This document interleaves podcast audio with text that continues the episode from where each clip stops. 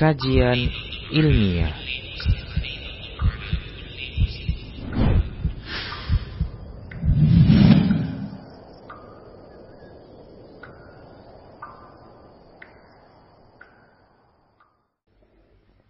Bismillah. Assalamualaikum warahmatullahi wabarakatuh.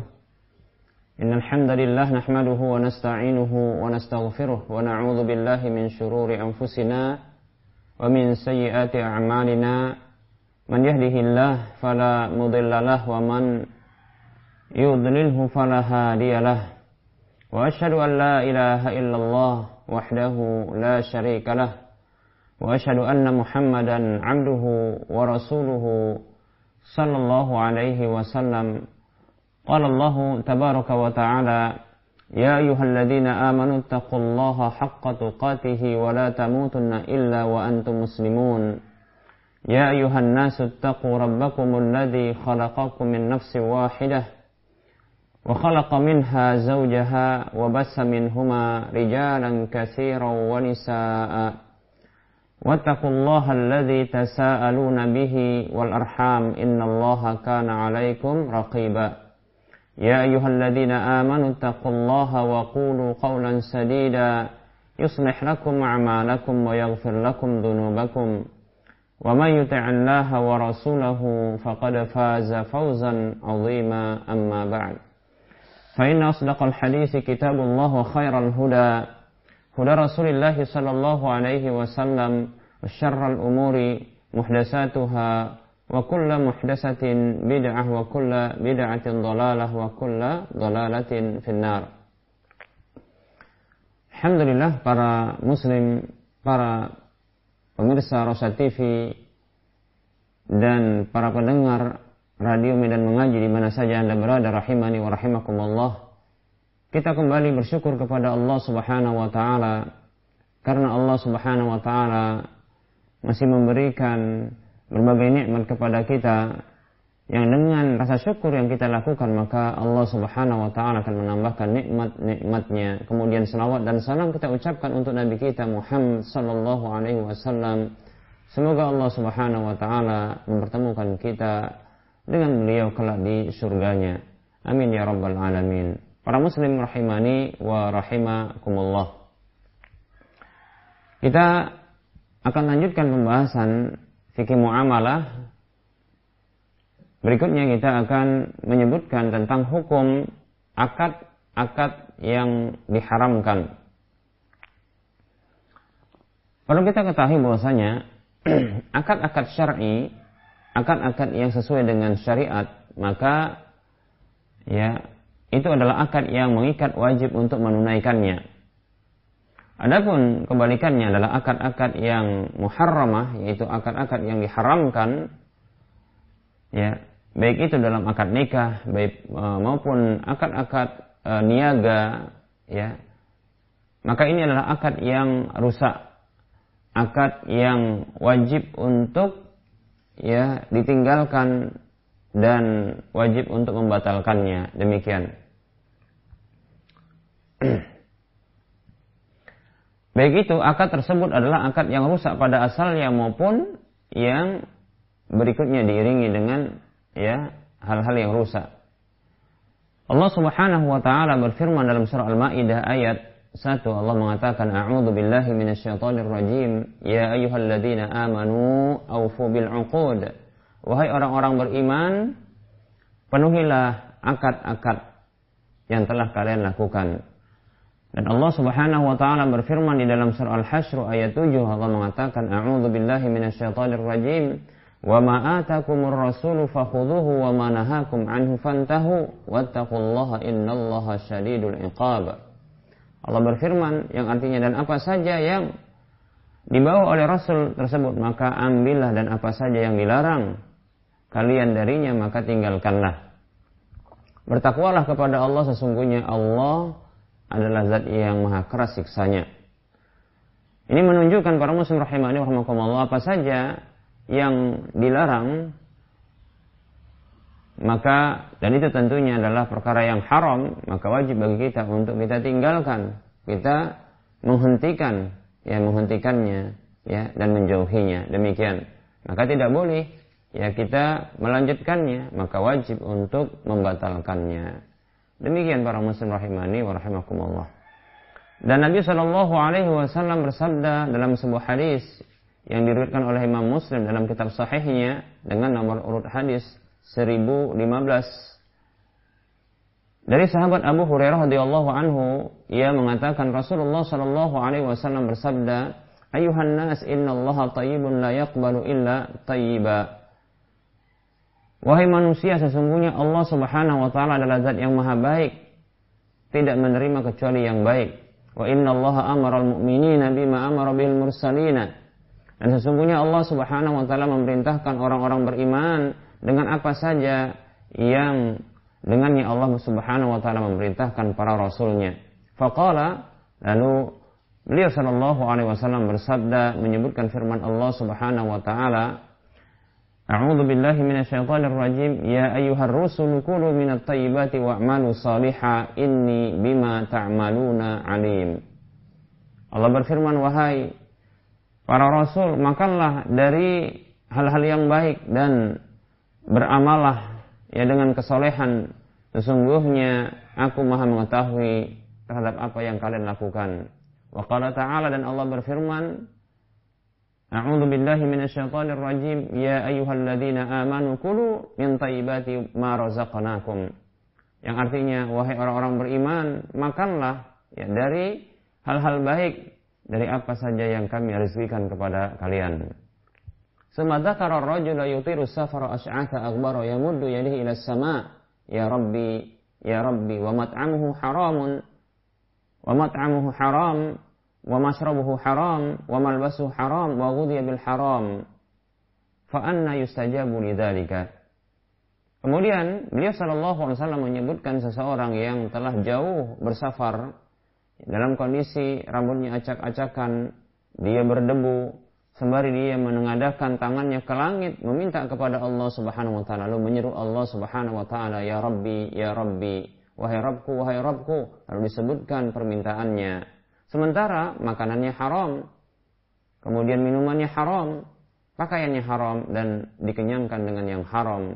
Lalu bagaimana ya bisa dikabulkan doanya itu? Demikian hadis riwayat Muslim. Demikian para muslim rahimani warahmatullah. Nah, maka perkara-perkara yang haram ini ya, ini Allah Subhanahu wa taala tidak akan menerimanya. Demikian. Baik, para muslim rahimani warahmatullah, berikut kita akan menyebutkan di antara bentuk akad-akad jual beli atau akad-akad yang dia diharamkan. Di antaranya adalah ya al-muhaqalah ya. Muhaqalah. Hukum muhaqalah. Apa itu muhaqalah? Al-muhaqalah itu hiya bai'ul habbi al-mustaddi fi sumbulihi bihubbin min jinsihi. Bihabbi bihabbin min jinsihi. Wahya la tajuzu. Ya. Yaitu muhaqalah itu adalah jual beli uh, biji-bijian ya yang telah mengeras di batangnya dengan biji-bijian yang sudah dipanen ya dari jenisnya Maksudnya adalah ini adalah e, jual beli dengan barter biji ya yang sama namun yang satu adalah biji biji-bijian ya biji-bijian yang maksudnya yang bisa dikonsumsi ya. Itu yang sudah dipanen yang sudah dipanen dan ini tampak begitu dibawa kemudian dengan biji-bijian ya yang ini masih ada di di batangnya yang belum dipanen demikian. Dan ini dibarter seperti itu. Ya maka ini hukumnya tidak tidak boleh. Mengapa tidak boleh? Dikarenakan akan terkumpul ya padanya dua larangan sekaligus.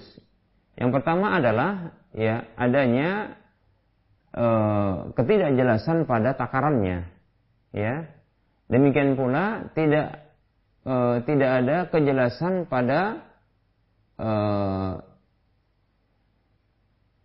kualitas bagusnya demikian. sekaligus berikutnya adalah adanya riba. Ya, adanya riba. Demikian karena tidak diketahui adanya kesamaan pada eh, pada tukar menukarnya. Nah, kita tahu bahwasanya biji-bijian yang dia menjadi bahan makanan, ya, ini termasuk barang-barang ribawi. Barang-barang ribawi, ya apabila ditukar, ya, ditukar atau dibarter, ya, dengan tidak diketahui adanya kesamaan pada kuantitasnya, maka padahal ini sejenis, maka di sini ya akan jatuh kepada riba, yaitu riba fadl, ya, riba fadl demikian. Baik para muslim rahimani wa rahimakumullah. Begitu juga ini sekaligus ya e, telah melanggar sebuah larangan yaitu ketidakjelasan ya pada takaran. Ya tentunya ya e, biji-bijian yang ini menjadi bahan makanan yang masih ada di batangnya ya belum dipanen tentunya tidak diketahui ya takarannya ketika itu. Demikian pula tidak diketahui kualitas bagusnya. Ya, kualitas bagusnya. Berbeda halnya dengan ya, biji-bijian yang dia merupakan bahan makanan yang sudah dipanen, yang sudah dilihat. Ya.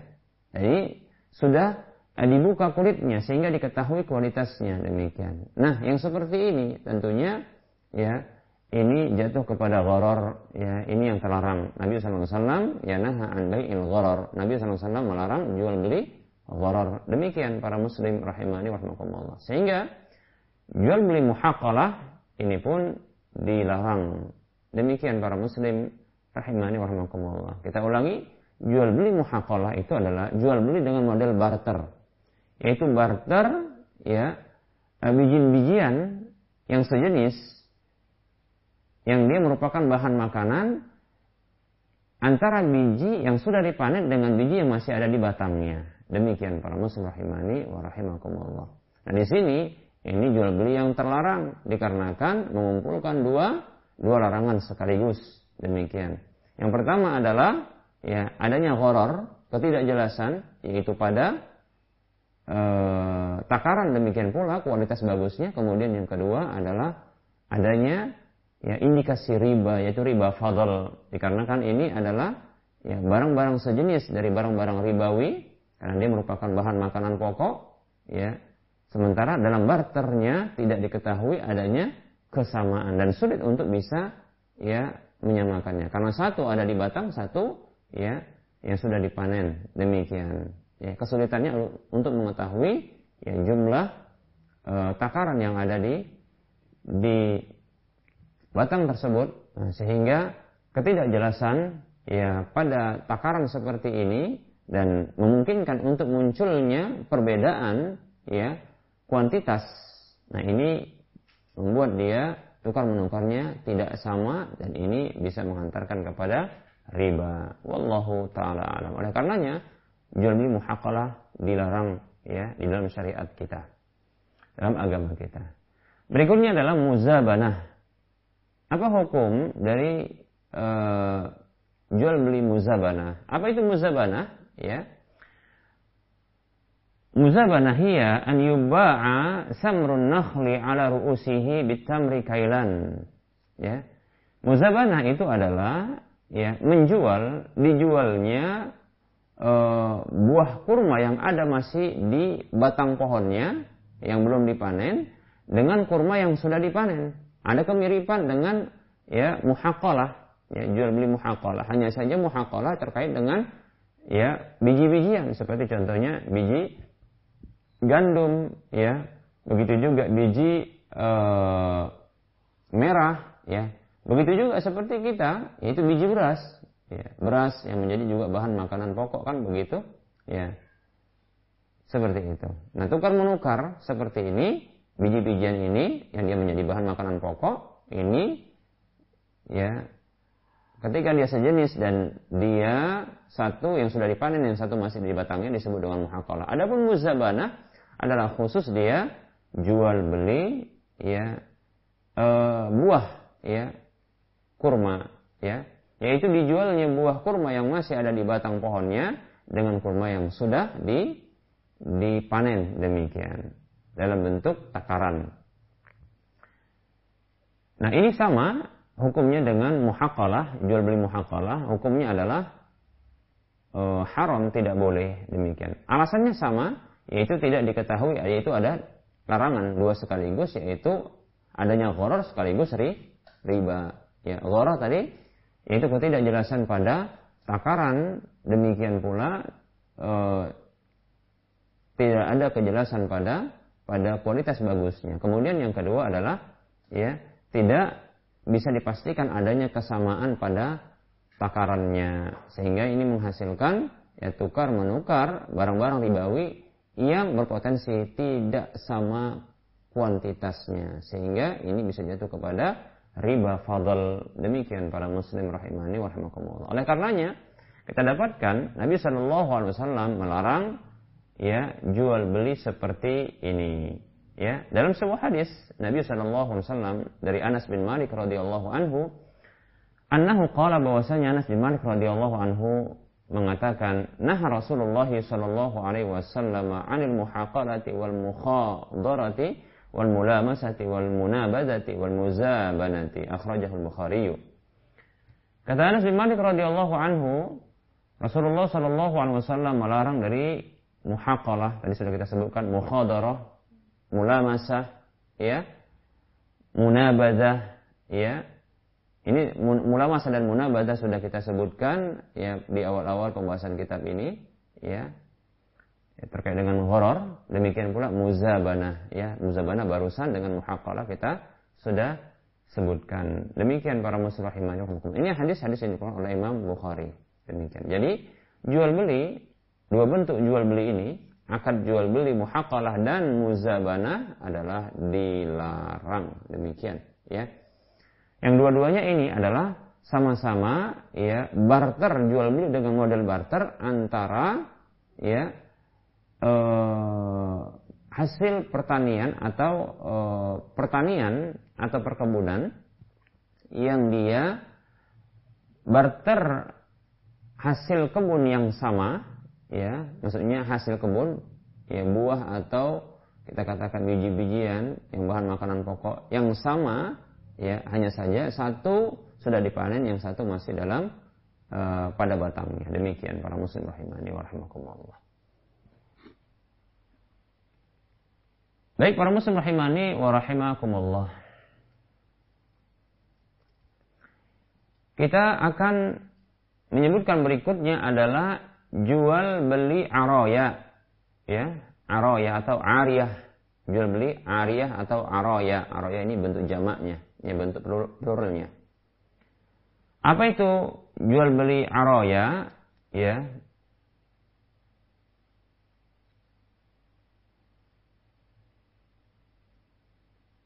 Jual beli aroya ya adalah jual beli muzabanah ya jual beli muzabana ya. Jual beli muzabana dengan model muzabana tapi para pelakunya atau orang yang yang membutuhkan. Maksudnya orang yang melakukan jual beli seperti ini adalah orang yang dia ariyah. Ariyah itu orang miskin ya. Orang yang miskin orang yang membutuhkan dan itu kurang dari lima wasak ya. Yaitu di bawah lima wasak atau pas lima wasak. Tidak boleh lebih demikian ya. Seperti itu sesungguhnya jual beli aroya ini ya adalah bahagian dari jual beli muzabanah ya hanya saja dia dikecualikan dari hukum haramnya demikian jadi sudah kita sebutkan tadi muzabanah itu adalah ya jual beli kurma yang masih ada di pohon dengan kurma yang sudah dipanen. Demikian. Maka ini dilarang jual beli kurma yang masih di pohon ya dengan jual beli kurma yang sudah dipanen. Demikian. Ini sudah kata, kita katakan ini adalah diharamkan berdasarkan hadis uh, dari Anas bin Malik radhiyallahu anhu yang diriwayatkan oleh Imam Bukhari tadi yang sudah kita sebutkan. Demikian. Ya, jadi muzabana ini adalah jual beli yang diharamkan. Ya, dan tadi kita katakan ya ringkasnya adalah jual beli muzabana adalah jual beli kurma yang sudah dipanen dengan jual beli kurma kurma ya yang ada di uh, pohonnya, di batang pohonnya. Yang ini adalah barter. Barter antara kurma yang sudah dipanen dengan kurma yang masih di batang pohonnya. Demikian. Ini terlarang karena dua hal. Ya. Itu adanya gharar, ketidakjelasan pada takaran dan kualitas bagusnya. Kemudian yang kedua adalah karena adanya riba. Demikian. Nah dikecualikan dari jual beli seperti ini, arti dikecualikan adalah dikecualikan hukumnya. Demikian. Ya. Dikecualikan hukumnya. Ya. Yaitu bila pelaku dari jual beli ini adalah orang-orang miskin yang dia membutuhkan, ya, yang dia membutuhkan, ya, yang dia membutuhkan, ya. Kemudian, ya, dengan syarat adalah tidak boleh lebih dari lima wasak. Berapakah lima wasak ini? Lima wasak itu adalah satu wasaknya adalah 60 sa' 60 sa' ya 60 sa' satu wasaknya 60 sa' jadi kalau kita uh, kalikan ya kalau dia 5 wasak berarti 60 dikali 3 uh, di, dikali 5 maka dia 300 sa' satu sa'-nya ya para uh, kaum muslimin kaum muslimin ini berbeda-beda. Kita katakan kita ambil saja mungkin yang Eh, nominal amal uh, amannya. Satu sok itu kita katakan 2,5 ya, satu sok itu 2,5 maka kalau ada 300 ya 300 ya kalau ada 300 maka ini 750 kilo jadi satu sok itu ya 2,5 eh, kilogram ya. Jadi kalau dia ada 300, maka berarti dia 750 kg demikian. Nah, sehingga e, jual beli aroya yaitu sebenarnya dia jual beli muzabana ya yaitu barter jual beli dengan model barter antara kurma yang sudah dipanen dengan kurma yang masih di batang pohon ya ini diharamkan tapi dikhususkan bagi orang-orang yang aroya orang-orang miskin yang membutuhkan ya dia dibenarkan dengan syarat. Dengan syarat ya dia tidak boleh lebih dari 750 kilo. Demikian ya seperti itu. Tentunya syarat berikutnya harus kontan. Serah terimanya. Ya barteran ini harus kontan. Ya jadi ya e, orang miskin tersebut dia menyerahkan ya kurmanya demikian pula yang e, memiliki kurma yang di batang pohon segera ya dipanen lalu di diambil demikian ya diserahkan kepada orang tersebut. Nah serah terimanya harus kontan. Demikian para muslim rahimani wa rahimakumullah. Ya. Nah tentunya ini harus adanya kesamaan dalam apa? Dalam takaran. Demikian ya. Adanya kesamaan dalam takaran. Baik. Jadi jual beli aroya ini adalah jual beli ya muzabana atau lebih tepatnya adalah jual beli dengan barter antara kurma yang telah dipanen dengan kurma yang masih di batang pohon yang sudah ditakar dia ya kemudian diberlakukan ya itu untuk orang-orang miskin yang membutuhkan disertai dengan adanya ya dua syarat ya atau tiga syarat. Syarat yang pertama adalah kesamaan di dalam e, perkiraan takaran. Kemudian berikutnya adalah barter tersebut itu tidak boleh ya lebih dari 750 kilo kurang lebih yaitu sekitar e, 5 wasak atau 300 sok. Kemudian ya ini dilakukan dengan kontan untuk e, barternya atau jual belinya. Demikian para muslim rahimani rahimakumullah. Dan ini merupakan bentuk ya jual beli yang dikecualikan dari larangan jual beli muzabanah. Dalil tentang masalah ini adalah hadis dari Jabir radhiyallahu anhu yang mengatakan ya Nah Rasulullah sallallahu alaihi wasallam an bai'is sam an bai'is atau an bai'is uh, samri an bai'is samari hatta yatiba wa la yuba'u syai'un minhu illa bid-dinari wa dirhami illa al-araya muttafaqun alaihi. Kata Jabir radhiyallahu anhu, ya, Rasulullah Shallallahu alaihi wasallam melarang jual beli buah-buahan sampai buah tersebut layak dipetik. Dan tidak boleh ya sesuatu darinya yaitu buah tersebut dijual ya kecuali dengan dinar dan dirham ya bukan dengan sesamanya ya bukan bukan dengan buah yang sejenisnya. Demikian ya. Kecuali aroya kecuali aroya yaitu orang-orang yang membutuhkan ya. Orang-orang yang dia membutuhkan ya dengan uh, penjelasan yang disebutkan oleh para ulama tadi ya, karena memang di sini ada dalil yang lain sebenarnya namun kita tidak sebutkan semuanya ya. Karena uh, penyebutan syarat ya tiga syarat yang kita sebutkan tadi ini sebenarnya disebutkan dalam hadis yang lain. Tapi kita cukupkan dengan hadis ini saja yang menunjukkan di sini ada pengecualian bahwasanya jual beli aroya ini dibenarkan ya. Yang dia merupakan jual beli e, muzabana yaitu kurma jual beli dengan model barter antara kurma yang sudah dipanen dengan kurma yang masih di batang pohon ya dengan syarat ya dia ada kesamaan, perkiraan kesamaan pada takarannya. Kemudian yang kedua ini diberlakukan bagi orang-orang yang miskin membutuhkan, kemudian takarannya kurang dari uh, kurang dari atau tidak boleh lebih dari 5 wasak atau sekitar ya 300 sok atau sekitar 750 kilogram demikian. Kurang dari itu boleh, pas boleh, lebih tidak boleh demikian. Kemudian harus kontan. Baik ya, hadis tadi dikeluarkan oleh Imam Bukhari dan Muslim. Baik para muslim rahimani wa rahimakumullah. Berikutnya kita akan bahas uh, jual beli berikutnya adalah uh, anggota tubuh manusia. Nah, tentunya di sini tidak boleh ya.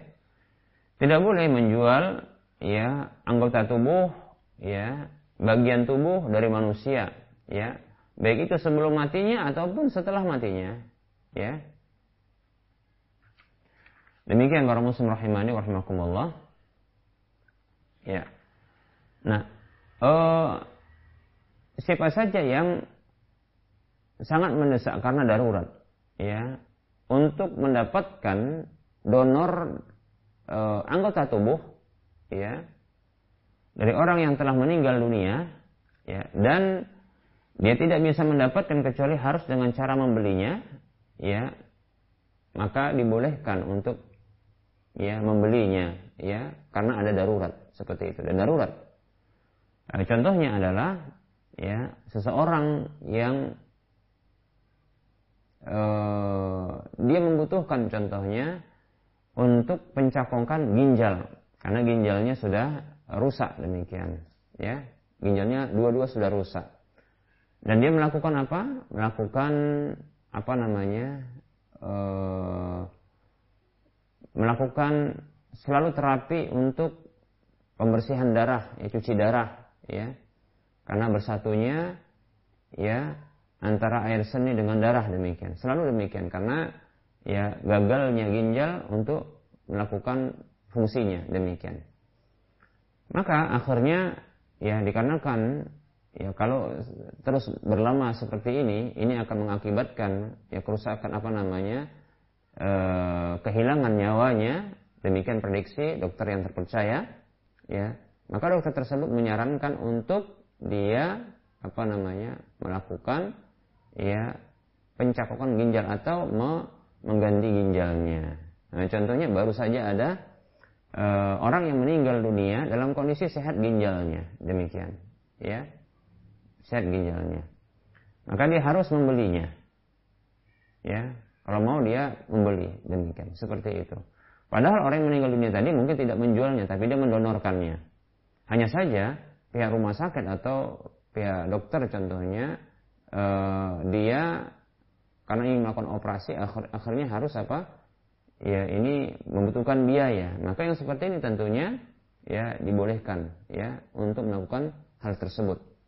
Sesungguhnya ya barangkali ini bukan membeli ya anggota tubuh akan tetapi ya mungkin biaya uh, operasinya ya yang ini yang uh, dana tersebut dikeluarkan untuknya demikian wallahu taala alam ya namun ternyata apabila ada orang yang menyengaja ya orang yang menyengaja untuk apa namanya menjual anggota tubuhnya ya dalam kondisi dia mungkin tidak meninggal dunia. Contohnya ada orang yang dia sehat ya orang ada orang yang sehat lantas dia ingin menjual ginjalnya ya, atau dia ingin menjual darahnya ya atau dia ingin menjual matanya sebagian dengan nilai yang cukup besar ya lalu ada orang yang membutuhkannya dikarenakan ya ini untuk uh, kemaslahatan hidupnya ya untuk kedaruratannya contohnya mungkin kalau tidak demikian dia akan mati seperti orang yang contohnya adalah membutuhkan darah. Kalau tidak demikian maka dia akan mati. Juga demikian pula ginjal yang gagal ginjal. Ya semuanya tidak berfungsi. Paling tidak harus memiliki satu ginjal. Maka dia harus membeli tersebut.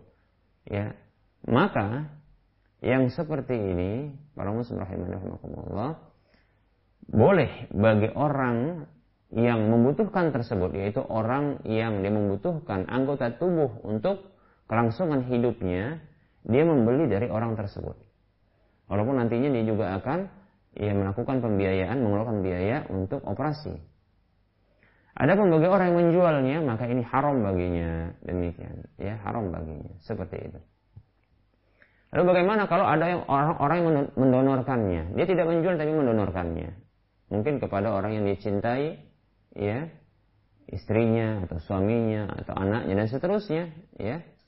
Atau anaknya kepada orang tua dan seterusnya donor tanpa dijual belikan ya dan orang tersebut membutuhkan ya pasien tersebut membutuhkan. Maka wallahu taala alam ya maka seperti ini tidak masalah ya. Ya maka ini tidak masalah. Seperti itu. Maka tidak tidak berdosa ya. Baik itu bagi pendonornya pendonor anggota tubuh tersebut maupun orang yang menerima donor anggota tubuh tersebut. Demikian para muslim rahimani wa rahimakumullah.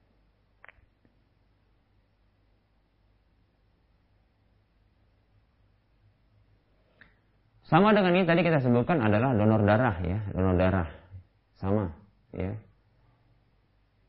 Nah, e, kalau seandainya ada orang yang mendonorkan darahnya, maksudnya adalah hukumnya sama kalau dijual belikan.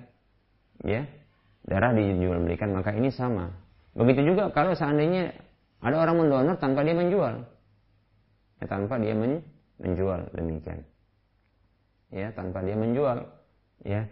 Maka uh, tidak masalah. Ya seperti contohnya PMI Palang Merah Indonesia ya yang mereka ini sebuah lembaga yang menerima donor donor darah dari manusia orang-orang ya maka ya uh, Apabila ada orang yang datang mendonorkan darahnya, maka silakan ya mereka terima dan ini dibolehkan. Kalau ada orang yang menjual darahnya, maka tidak boleh. Ya, tidak boleh bagi PMI untuk apa? Untuk membelinya darinya. Kenapa? Karena dia tidak membutuhkannya. Ya, masih banyak orang-orang yang me, me, mendonorkan secara gratis. Tidak boleh ya di, menerima donor darah dengan harus ada pembiayaan seperti itu. Ya, ada orang datang dia menjual darahnya ya dengan sekian kantung begitu ya maka ini tidak dibenarkan ya tidak dibenarkan bagi orang tersebut untuk dia ya menjual ya darahnya ya. Dan tidak boleh bagi PMI yang tidak membutuhkan ketika itu untuk membelinya. Kecuali ya bagi contohnya pasien yang dia pasien ini sangat membutuhkan darah. Ternyata ada orang ya ditemukan satu orang yang memiliki darah yang sama ya dengan pasien tersebut ya. Nah untuk keselamatan sang pasien tersebut maka dicarilah orang tersebut. Didapatkan. Ternyata orang ini tidak akan memberikan darahnya kecuali dengan cara membayar. Membayar darah tersebut. Dibayar darah tersebut. Maka kita katakan maka ya orang tersebut ya orang uh, pasien tersebut atau pihak keluarga dari pasien tersebut atau orang yang menjadi uh, wakil dari pasien tersebut itu boleh membelinya untuk pasien tersebut ya. Boleh membelinya namun haram bagi orang yang menjual darahnya tersebut ya. Adapun mendonorkan secara gratis maka boleh. Disamakan dengan ini para muslim rahimani warahmatullah adalah para pasien para, eh, para pasien yang mereka ini e, harus mengeluarkan dana ketika e, mengambil darah dari e, PMI ya mengambil darah dari PMI mengeluarkan biaya maka di sini boleh bagi mereka ketika membutuhkan bagi pasien tersebut atau keluarga pasien tersebut untuk membeli dari PMI demikian. Ya. Saya condong bahwasanya eh, PMI tersebut tidak menjualnya. Ya PMI tersebut tidak menjualnya. Mungkin ada dugaan-dugaan yang keliru ya, dari sebahagian orang bahwasanya PMI itu menjualnya, ya PMI itu menjualnya. Ya, bagaimana mungkin PMI ini bisa menjual darah sementara mereka tidak memiliki darah? Itu kan darah orang lain, ya, yang mendonorkan kepada lembaga tersebut.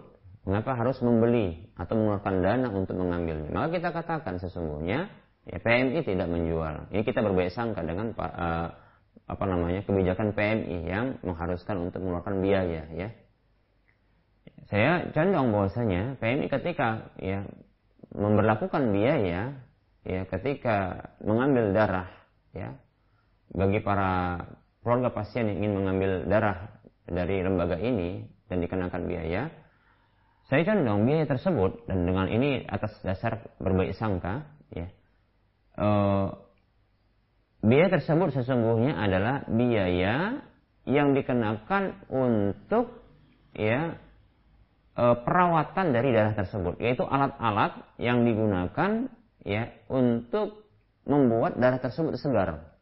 Ya. Jadi ini adalah biaya untuk perawatan tersebut. Jadi yang dikenakan adalah biaya perawatannya, bukan biaya darahnya. Ya.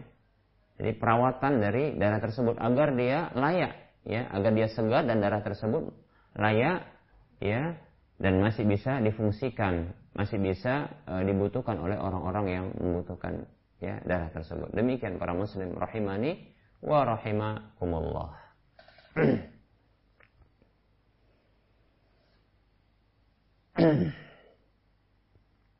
Baik para muslim rahimani wa rahimakumullah. E, berikutnya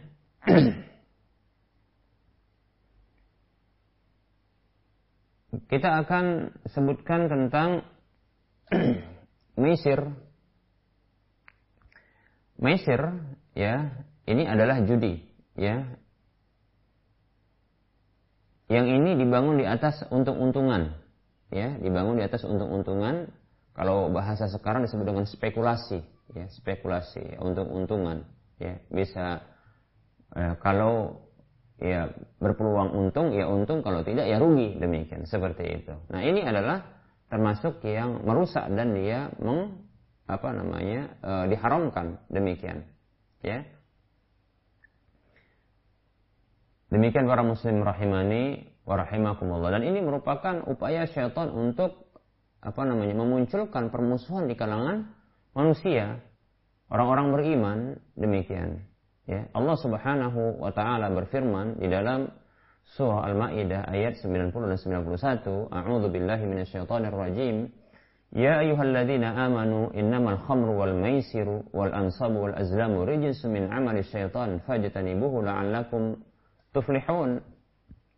إنما يريد الشيطان أن يوقع بينكم العداوة والبغضاء في الخمر والميسر ويصدكم عن ذكر الله وعن الصلاة fal antum muntahun fal antum muntahun Allah berfirman yang artinya wahai orang-orang beriman sesungguhnya khamar judi ya mengguni apa namanya uh, ansab yaitu uh, berhala-berhala demikian pula mengundi anak panah ya itu adalah rijesun, rijes, buruk, jelek, termasuk amalan syaitan. Maka jauhilah agar kalian ya beruntung. Sesungguhnya syaitan ya hanyalah ingin ya memberlakukan di tengah-tengah kalian permusuhan dan uh, kebencian pada khamr dan perjudian tersebut dan dia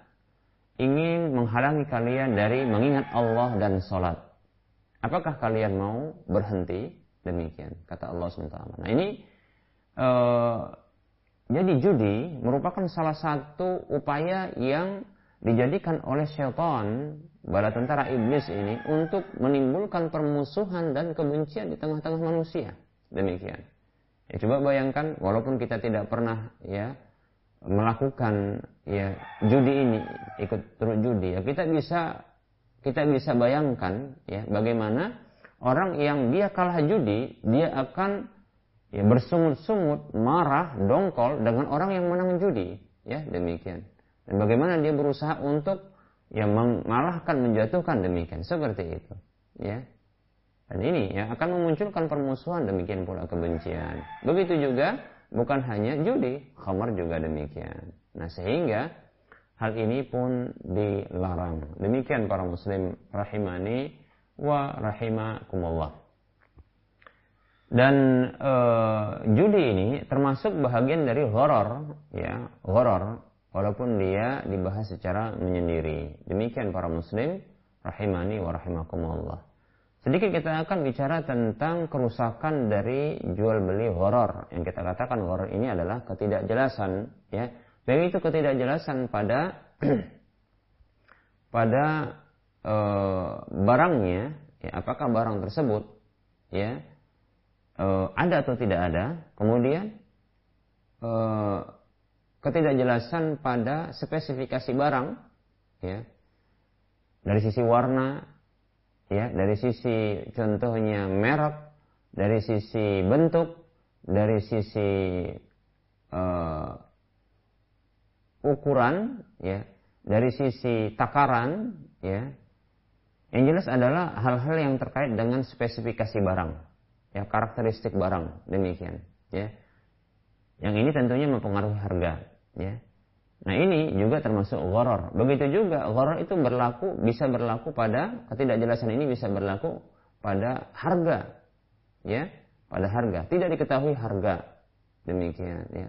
Begitu juga goror ini bisa berlaku, ya, pada e, waktu serah terima.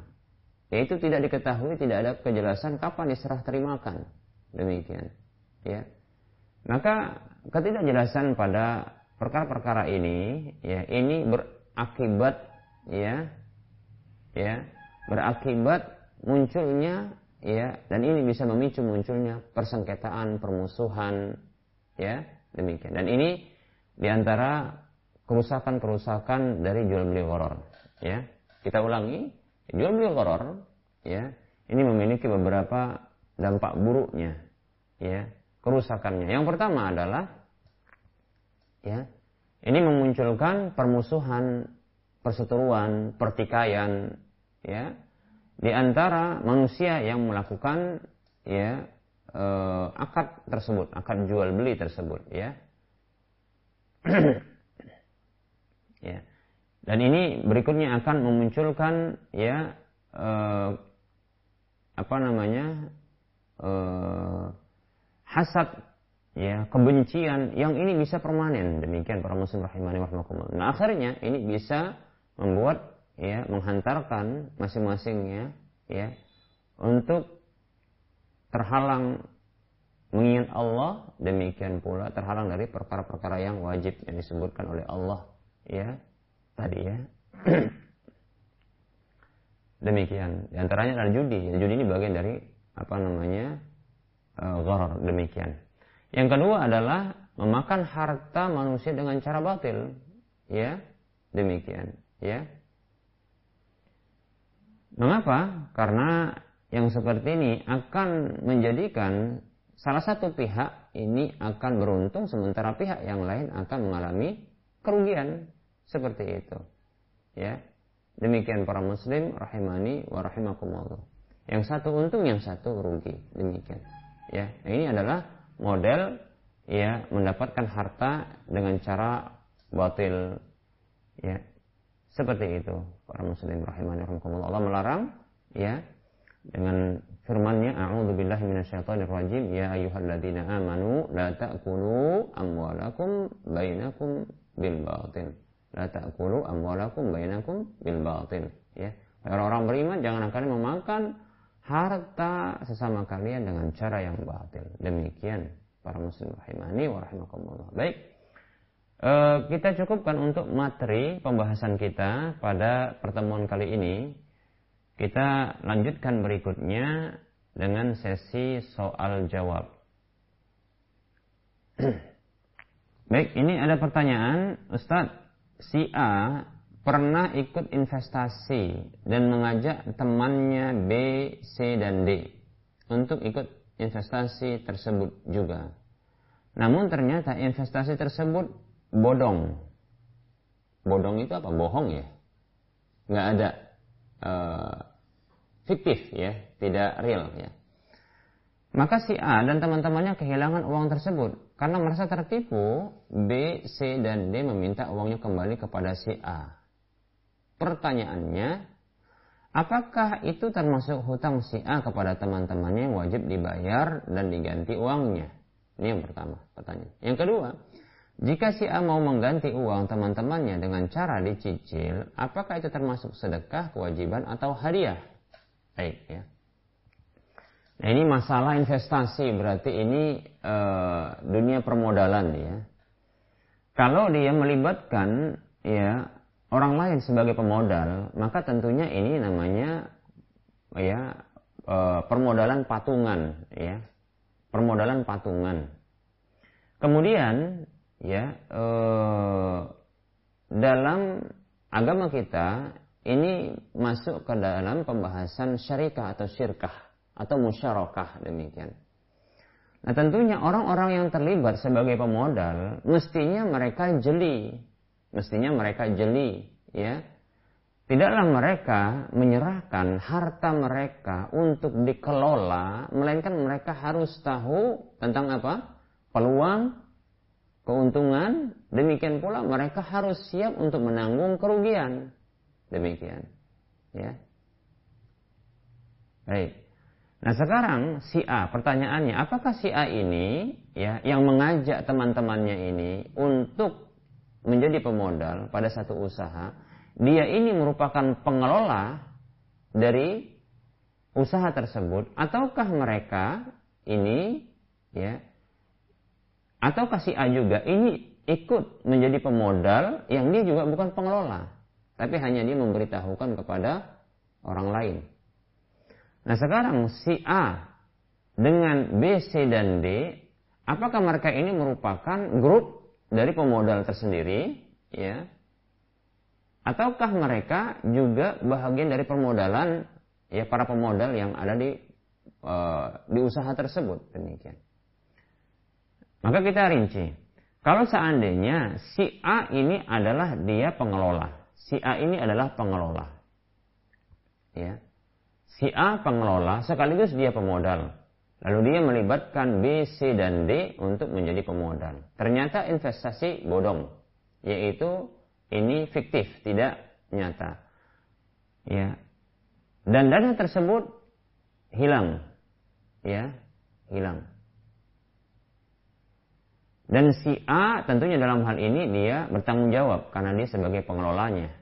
Ya, maka dalam hal ini ya si A ya menjadi kewajibannya untuk mengganti ya mengganti ya eh, modal yang terjadi kerugian atas kelalaian dari si A itu. Kan ternyata ini fiktif kan begitu ya, tidak ada entah dibuat apa oleh si A sehingga ternyata ini habis begitu ya. Maka tentunya ini menjadi hutang bagi si A. Ketika si A ya atas dasar apa namanya e, kelalaiannya, kecerobohannya dan kesalahan dia apakah di, dijadikan untuk apa namanya urusan pribadi ya uang tersebut ya atau fiktif memang tidak ada ya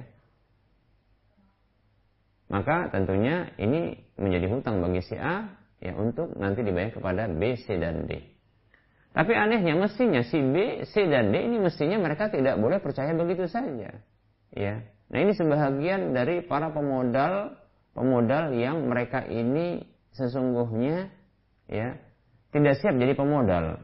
Karena mereka sesungguhnya ya tidak memiliki keahlian. Paling tidak mereka harus tahu ya.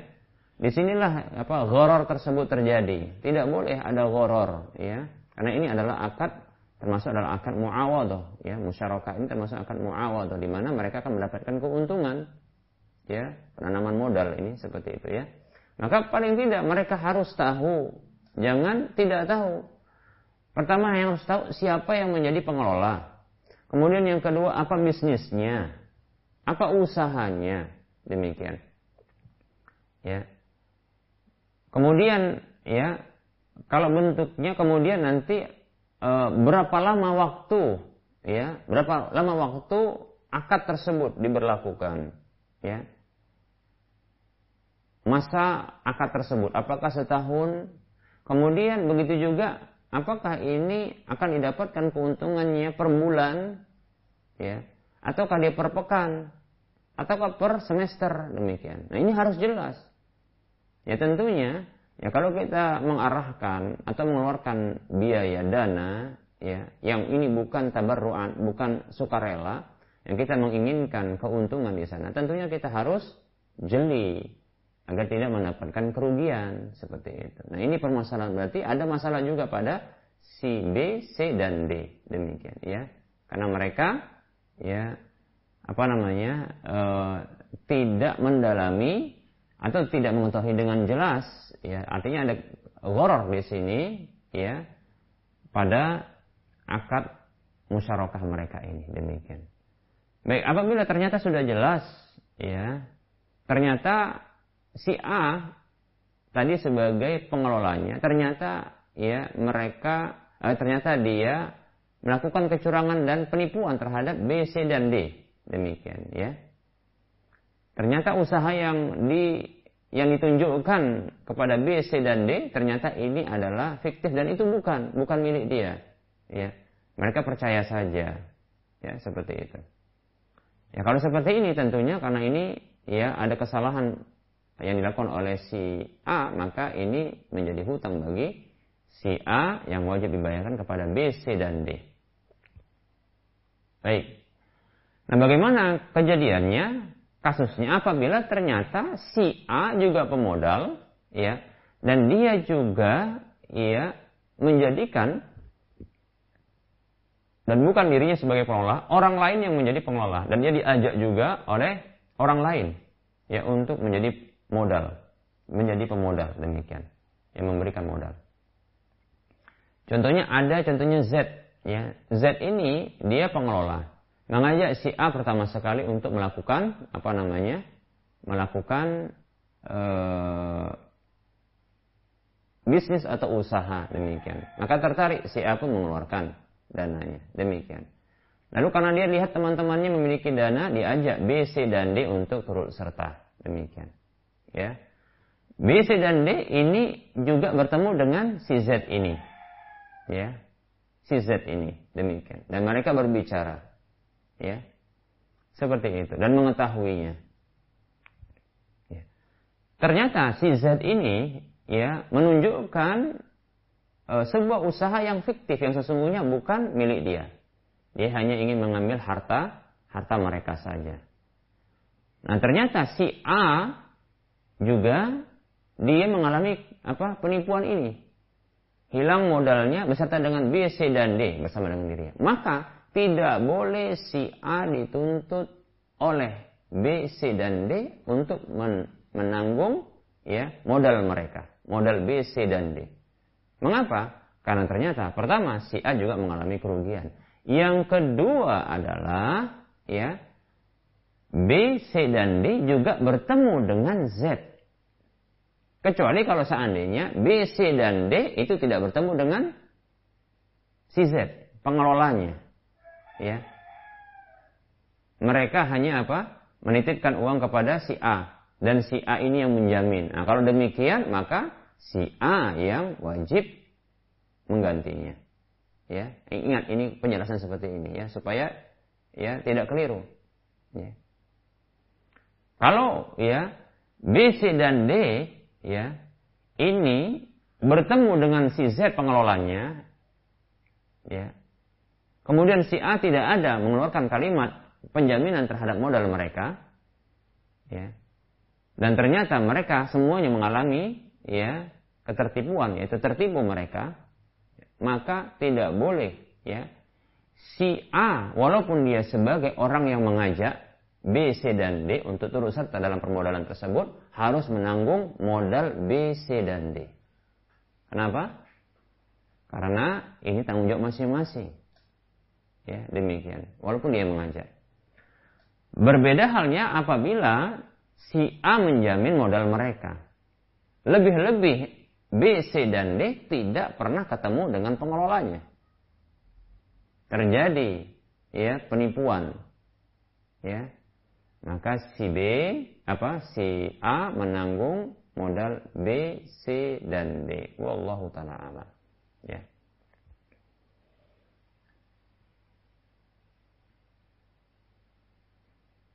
Jika si A ya dalam kondisi dia juga tertipu yang dia tidak memiliki kewajiban untuk me, e, mengganti modal B, C dan D, maka ketika dia ya e, untuk mencicil mengganti modal B, C dan D, maka ini terhitung ya sedekah, bukan kewajiban, karena dia termasuk orang yang ditipu dan dia tidak ada kalimat penjaminan terhadap modal mereka.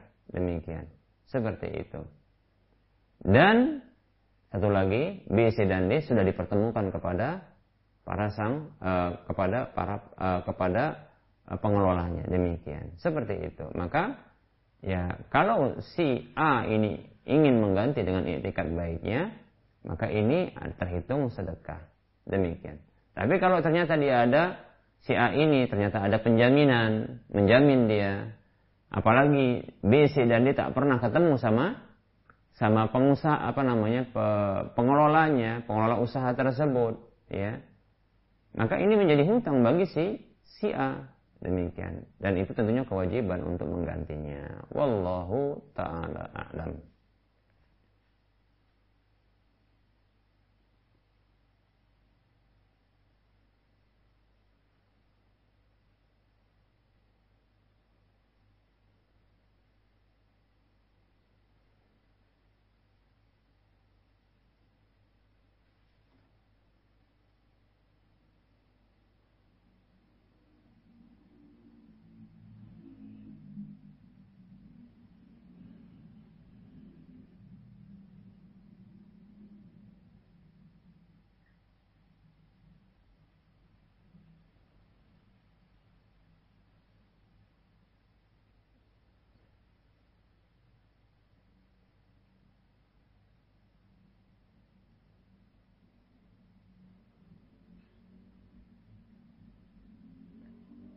Baik, uh, ada pertanyaan di studio? Kosong ya. Bentar ya kita cari pertanyaan.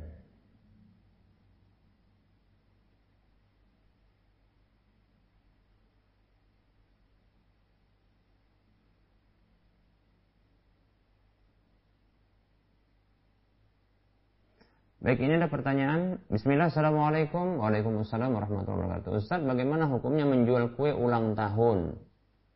Sebab adik saya memiliki toko roti. Dan mereka menerima pesanan kue ulang tahun. Dan termasuk penghasilannya kebanyakan dari penjualan kue tersebut. Baik, kalau begitu kita akan bahas ulang tahun dulu. Ya, apa hukum ulang tahun?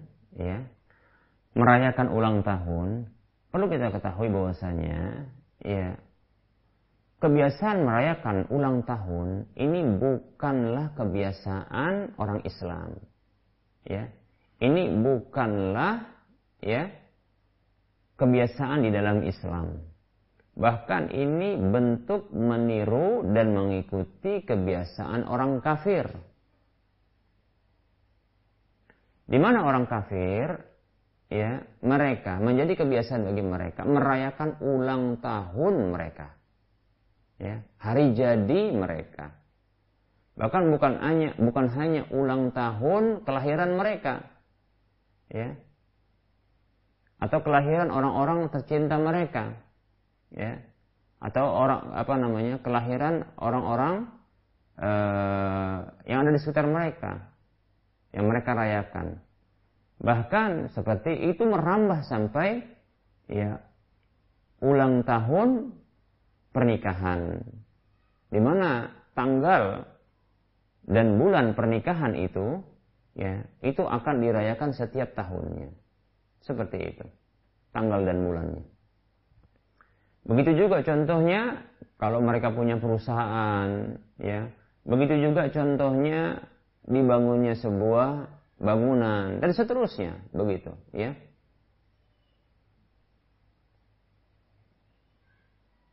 Yang mereka ini ya sesungguhnya e, berniat baik ya berniat baik namun dengan cara yang keliru tentunya ya. Fokus kita kepada pembahasan ulang tahun kelahiran dalam Islam kita meyakini bahwasanya ya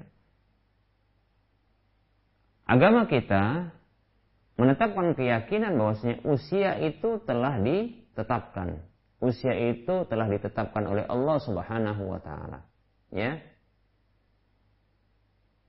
Tidak bertambah dan tidak berkurang. Demikian. Sebagaimana ya Rasulullah Shallallahu alaihi wasallam mengkabarkan tentang ya penciptaan manusia di perut ibunya. Ya, setelah genap 120 hari ya maka datanglah malaikat setelah itu ya yang diutus oleh Allah Subhanahu wa taala kemudian meniupkan roh dan diperintahkan untuk mencatat empat hal di antaranya adalah ya ajalnya. Itu ketetapan ya kematiannya. Dan tentunya itu berdasarkan usianya. Demikian. Sehingga usia itu telah ditetapkan. Nah, artinya dengan pertambahan setiap tahun yang bergulir, ya, sesungguhnya seseorang itu, ya, dia mengalami, ya, walaupun bertambah usianya, sesungguhnya berkurang jatah hidupnya.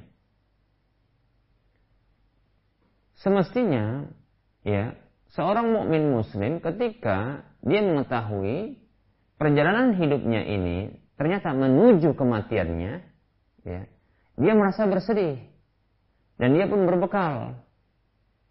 Demikian, berbekal dengan kebaikan-kebaikan karena dia meyakini ya setelah kematian akan ada pertanggungjawaban seperti itu. Sehingga dia harus berbekal. Dikarenakan dia mengetahui sesungguhnya ya waktu-waktu yang dijalani ini sesungguhnya sedang menghantarkan dirinya kepada kematian. Sehingga berkurang.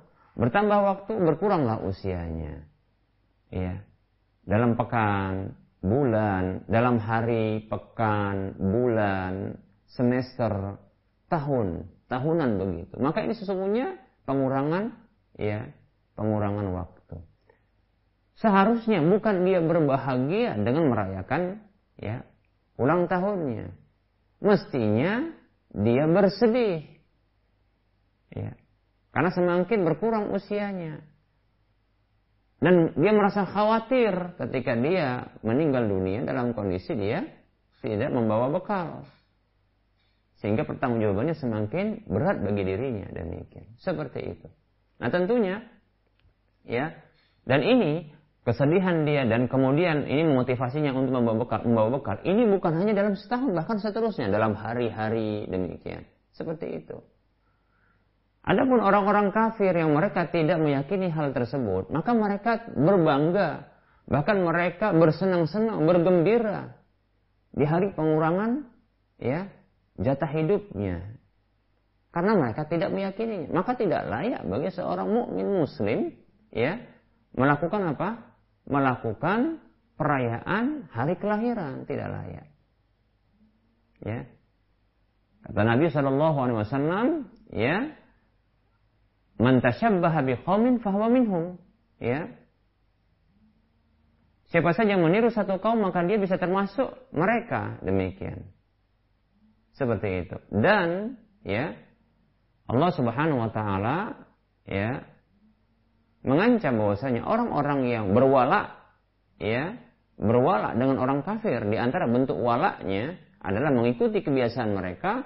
Ini ya ini terhitung dengan ya ini terhitung ya dia termasuk mereka. Demikian.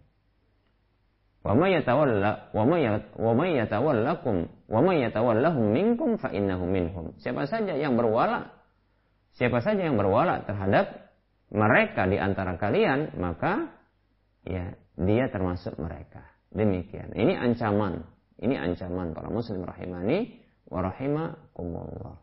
Oleh karenanya perayaan-perayaan seperti ini ini perayaan yang bentuk maksiat kepada Allah Subhanahu wa taala. Demikian. Nah, lalu bagaimana menyediakan sarana-sarana untuk perayaan tersebut? Seperti contohnya sarana ya eh, kita katakan ada sewa tempat ya sewa tempat untuk pelaksanaan apa namanya acara perayaan itu ya. Atau contohnya menyewakan ya alat-alat ya untuk pelaksanaan ya acara tersebut. Seperti contohnya kalau ada makan-makannya mungkin e, sewa alat-alat makan begitu juga contohnya tendanya dan seterusnya kursi ya Begitu juga dalam sarana ya jasa menghadirkan makanan untuk memeriahkan acara tersebut. Maka ini tidak dibenarkan. Sehingga kue ulang tahun pun yang asalnya kue ini boleh dimakan, boleh dijual belikan karena dia sebagai bentuk sarana menuju sebuah yang haram karena ini bentuk maksiat kepada Allah, maka dia pun diharamkan. Seperti itu. Maka dia pun diharamkan, ya. Kaidah yang disebut oleh para ulama, al-wasailu laha ahkamul maqasidi, ya. Sarana-sarana itu memiliki hukum tujuannya. Kalau tujuannya baik, maka sarananya menjadi baik. Ya. Kalaulah tujuannya buruk, bahkan itu merupakan dosa, maka sarananya pun memiliki hukuman memiliki hukum tujuannya juga dosa. Demikian ya. Oleh karenanya kita katakan ya ya menjual roti perayaan ulang tahun ini maka tidak dibenarkan. Sesungguhnya tidak tidak perlu tutup apa namanya tutup jualan roti, ya. Tapi tidak menyediakan ya kue ulang tahun, roti-roti ulang tahun demikian, ya. Saya kira ya kue-kue ini bahkan insya Allah ya masih terus dibutuhkan. Kita dapatkan ada sebahagian orang ketika dia berkunjung ya atau kita sendiri kalau berkunjung kita terkadang membawa buah tangan. Walaupun itu bukan buah tangan hasil karya kita atau buatan kita tapi buatan orang lain. Seperti tadi roti. Kadang kita ke toko roti ya membeli roti lalu kita hadiahkan kepada tuan rumah yang hendak kita kunjungi ketika kita, ketika kita bertamu kepadanya. Seperti itu. Demikian para muslim rahimani wa rahimakumullah sehingga ya ya tidak perlu menutup toko rotinya hanya saja tutup saja pesanan ya, tutup saja pesanan untuk kue ulang tahun. Semoga bermanfaat apa yang bisa kita sampaikan pada pertemuan kali ini. Mohon maaf atas segala kekurangan dan kesalahan, ya, tentunya ada kesalahan dan kekurangan, ya, dan kekeliruan. Ya, kepada Allah saya mohon ampun, ya, kepada para pemirsa dan para pendengar sekalian saya, mohon, saya mohon maaf. Wassalamualaikum warahmatullahi wabarakatuh. Subhanakallahumma wa bihamdika asyhadu an la ilaha illa anta astaghfiruka wa atubu ilaika walhamdulillahi rabbil alamin. Wassalamualaikum warahmatullahi wabarakatuh.